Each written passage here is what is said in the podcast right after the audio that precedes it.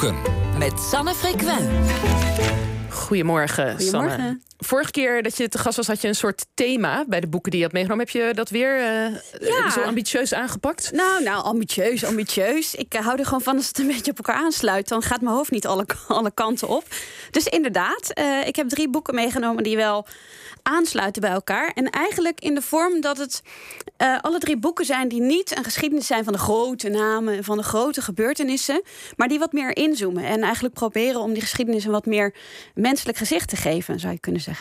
Oké, nou Mhm. vertel, wat is het eerste boek? Nou, het eerste boek is eh, Wij, wij eh, Habsburgers van Johan eh Verbergmoes. Een geschiedenis van onze globalisering, 1500 tot 1700. En die onze, die ons, dat zijn onze zuidenburen, de Vlamingen. Aha. Want dat trok mijn aandacht bij dit boek. Want we, kijk, we kennen allemaal onze geschiedenis, Gouden Eeuw. nou, daar hoeven we niks over te zeggen. Maar ik moet heel eerlijk zeggen dat die Vlaamse, Zuid-Nederlandse kant daarvan bij mij niet heel helder op het netvlies stond. Dus ik dacht, nou, laten we eens even kijken wat dat eh, eh, ons gaat eh, brengen.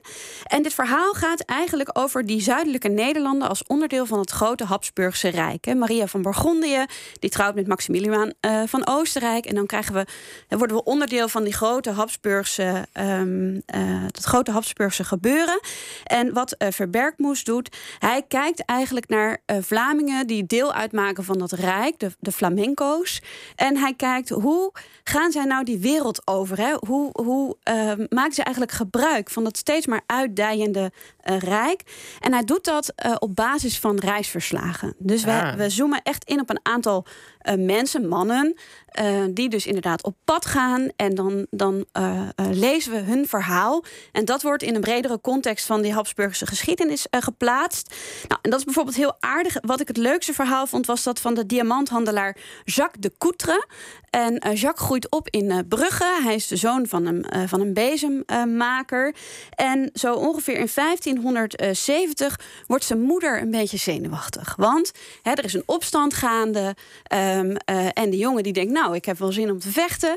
En dat ziet die moeder niet zitten. Dus wat doet ze? Ze stuurt hem richting Spanje, richting Lissabon. Want daar zit zijn oudere broer, zit, daar, zit daar ook. Nou, dan volgt er een, een zeereis eh, waarin die eh, doodsangsten uitstaat. Dus hij is niet echt geboren voor het heldendom. Maar het komt uiteindelijk goed, want ze zitten daar in dat Lissabon. En eh, ze zijn eigenlijk met z'n tweeën arm als kerkratten. Dus ze besluiten om de wijde wereld in te trekken. En ze gaan dan naar, naar Goa, gaan ze, het Indiase Goa. En daar ontvouwt zich eigenlijk de Indiase equivalent van de American Dream. Want ze komen daar binnen en ze ontmoeten de juiste mensen. En dan wordt die Jacques de Coutre wordt eigenlijk een hele belangrijke diamanthandelaar. Dus hij gaat een superbelangrijke rol spelen. Ja. Hij krijgt geld, hij verliest geld. En uiteindelijk, en dat vond ik dan eigenlijk het leukste einde. Uiteindelijk dan wordt hij teruggeroepen naar eh, Madrid. Want ehm, hij wordt beschuldigd van spionage. Spionage voor de Hollanders. Ja. Ja, want het is natuurlijk een, Vlaming. En dat, eh, dat zie je eigenlijk steeds terug in het boek. Eh, die Vlamingen die, die worden toch altijd met een beetje een schuine oog bekeken. Want er zijn het eigenlijk niet undercover Hollanders. En de Hollanders en de Habsburgers... of eigenlijk de mensen van de Republiek en de Habsburgers... dat botert natuurlijk niet zo lekker eh, met elkaar. Dus leuk boek. Ja. En ook heel goed dat de auteur probeert... en dat is hartstikke lastig... om niet alleen maar het perspectief van die reizigers te behandelen... maar ook te kijken naar de mensen die zij ontmoeten. En dat is natuurlijk veel minder goed vastgelegd. Hè? Want ja, eh, er is een verhaal over een, eh, een Braziliaanse missionaris... en die komt daar. Ja, en, en de mensen die die ontmoet... Die hebben, natuurlijk, eh, die hebben dat niet opgeschreven op de manier waarop hij het heeft opgeschreven. Maar probeert toch zich ook in te leven in die andere kant... en die ontmoetingen echt te omschrijven. Dus Ja, en het klinkt alsof het dus wel, het toont maar weer eens aan hoe internationaal de wereld ook toen al was. Het was niet Ja. zo dat je in Vlaanderen geboren werd, dat je dan Nee. dat, daar, dat je daar ook zou sterven. Nee, zeker niet, zeker niet. Er zit ook een heel aantal aardige eh, briefwisseling in tussen mensen in en vreemden die dan naar elkaar brieven sturen en die zeggen: "Oh ja, nou, geef nog even door als je die en die spreekt." Dus die netwerken zijn ook niet alleen maar netwerken zo vanuit Vlaanderen naar de rest van de wereld, maar ook onderling ehm, eh, in, in het verre wordt er veel gesproken en gedaan. Dus ja, aardig, aardig boek. Ja. Oké, volgend boek. Volgend boek. Ja, nou, dat is, eh, dat is eh, echt een, een fantastisch boek. Dat kan ik iedereen aanbevelen. Dus uh, rept u naar de boekwinkel. de geuren van de kathedraal. De overweldigende 16e eeuw in, in Antwerpen van Wendy Wouters, uitgeverij Lano. En Wouters die voert ons mee naar de Onze Lieve Vrouwenkerk in Antwerpen.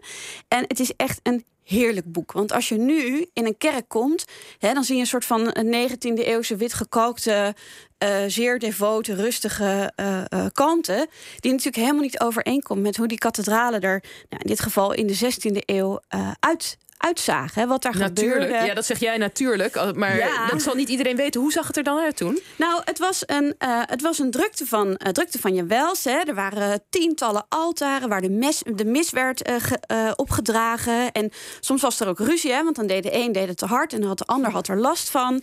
je moet je voorstellen, en ik heb een klein fragmentje heb ik uitgezocht... dat het er ook niet altijd al te lekker rook. Want um, uh, je moet je voorstellen, zo'n kathedraal, er werden ook mensen begraven. Sterker nog, dat was heel belangrijk dat je in die hm. kathedraal begraven werd. En dat stonk, inderdaad. Alleen dat stonk niet, um, had niet per se zo hoeven te stinken als dat het deed. Want ze heeft een prachtig eh, fragment. Hè. Uh, de delvers bedekken de dode lichamen met zo weinig aarde dat er dikwijls grote stank veroorzaakt wordt. Het welk door hen gedaan wordt met de intentie van de eigenaars van de grafplaatsen zoveel te eerder te doen geloven dat graven geruimd moeten worden. Op welke geen taxatie, en dat is een vaste som, staat, zodat zij daarvoor dan excessieve sommen afpersen. He, dus kortom, de doodgravers die doen dat lekker een beetje oppervlakkig. Het gaat aardig rieken. Ja, en dan gaat de kathedraal naar de eigenaren van die graven. En die zegt, ja, sorry, hè, uh, oom Henk moet opgegraven, want zo kan het niet langer. En dan zegt de doodgraver, nou, dat wil ik wel doen, mevrouwtje, maar dat kost u. He, dus die, dat gemarchandeer, dat is natuurlijk, is natuurlijk een heerlijk verhaal.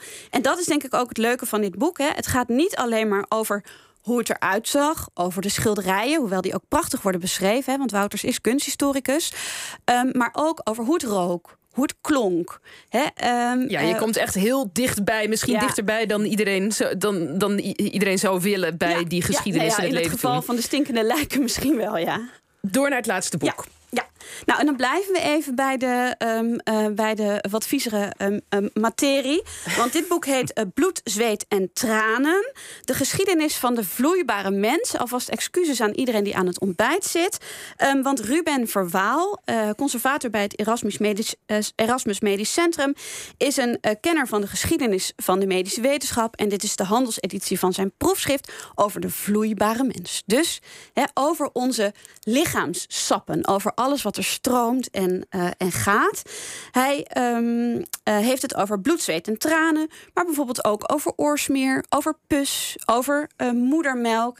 En um, wat hij probeert te onderzoeken in zijn boek is hoe is nou onze relatie tot die, uh, tot die lichaamssap. Hè? Hoe verhouden wij ons daartoe en hoe is dat door de eeuwen heen veranderd? Ja, want dan ben ik wel heel benieuwd. Ik zou er eigenlijk van uitgaan we gruwen altijd van lichaamssappen. Dat is iets universeel menselijks. Maar is er iets wat we voor, vroeger heel vies vonden, maar nu niet meer? Of vice versa? Iets wat nou, we uh, eerst normaal andersom uh, zou, ja. ik het, uh, zou ik het kunnen, zou kunnen zeggen. Want bijvoorbeeld pis, hè, een van de, van de onderwerpen, daarvan werd lang gedacht hè, dat dat een heel heilzaam goedje was. sterker nog, er waren adviezen om s ochtends vroeg je ogen uit te spoelen. En er staan ook prachtige um, verhalen in hè, van vrouwen die hun dienstboden dus s ochtends vroeg uh, de, de ochtendurine op het tafeltje laten zetten, zodat ze daar dan vervolgens lekker hun ogen mee uh, kunnen spoelen. En zo in de loop van de 19e eeuw, hè, met de komst van riolering, urine, urinoirs, en op het moment dat het een beetje uit dat straatbeeld verdwijnt, dan verandert ook die relatie. En als ik nu tegen jou zou zeggen, nou, Julie, ik heb een prachtige oplossing voor je hooikoorts. Je moet even s ochtends met je urine. Nou, dan denk ik dat je me voor gek verklaart. Um, dus nou, dat is, een, dat is een mooi voorbeeld daarvan. Ja, en even tot slot, wat, wat leer je nou van zo'n boek waar, waarin we de menselijke geschiedenis aan de hand van lichaamsappen bekijken? Nou, wat ik, wat ik leuk vind uh, van dit boek is dat je zo inzoomt op, op zaken waar je eigenlijk nooit bij stilstaat. Als je naar het museum gaat, dan hangen daar prachtige schilderijen. En dat is, en dat is mooi en dat is interessant. Maar um, ja, in een museum vind je, geen potje, vind je geen potje pis. Terwijl als je er echt goed naar kijkt, dan leer je zoveel over hoe mensen in het leven staan, wat ze belangrijk vinden, uh, hun angsten. ehm, eh, hoop. Dus ik, ja, ik vind dat het heel veel brengt door echt dieper te kijken naar Um, naar inderdaad uh, dit soort elementen. En dat verbindt ook wel het boek van Wouters en het boek van Verwaal. Hè.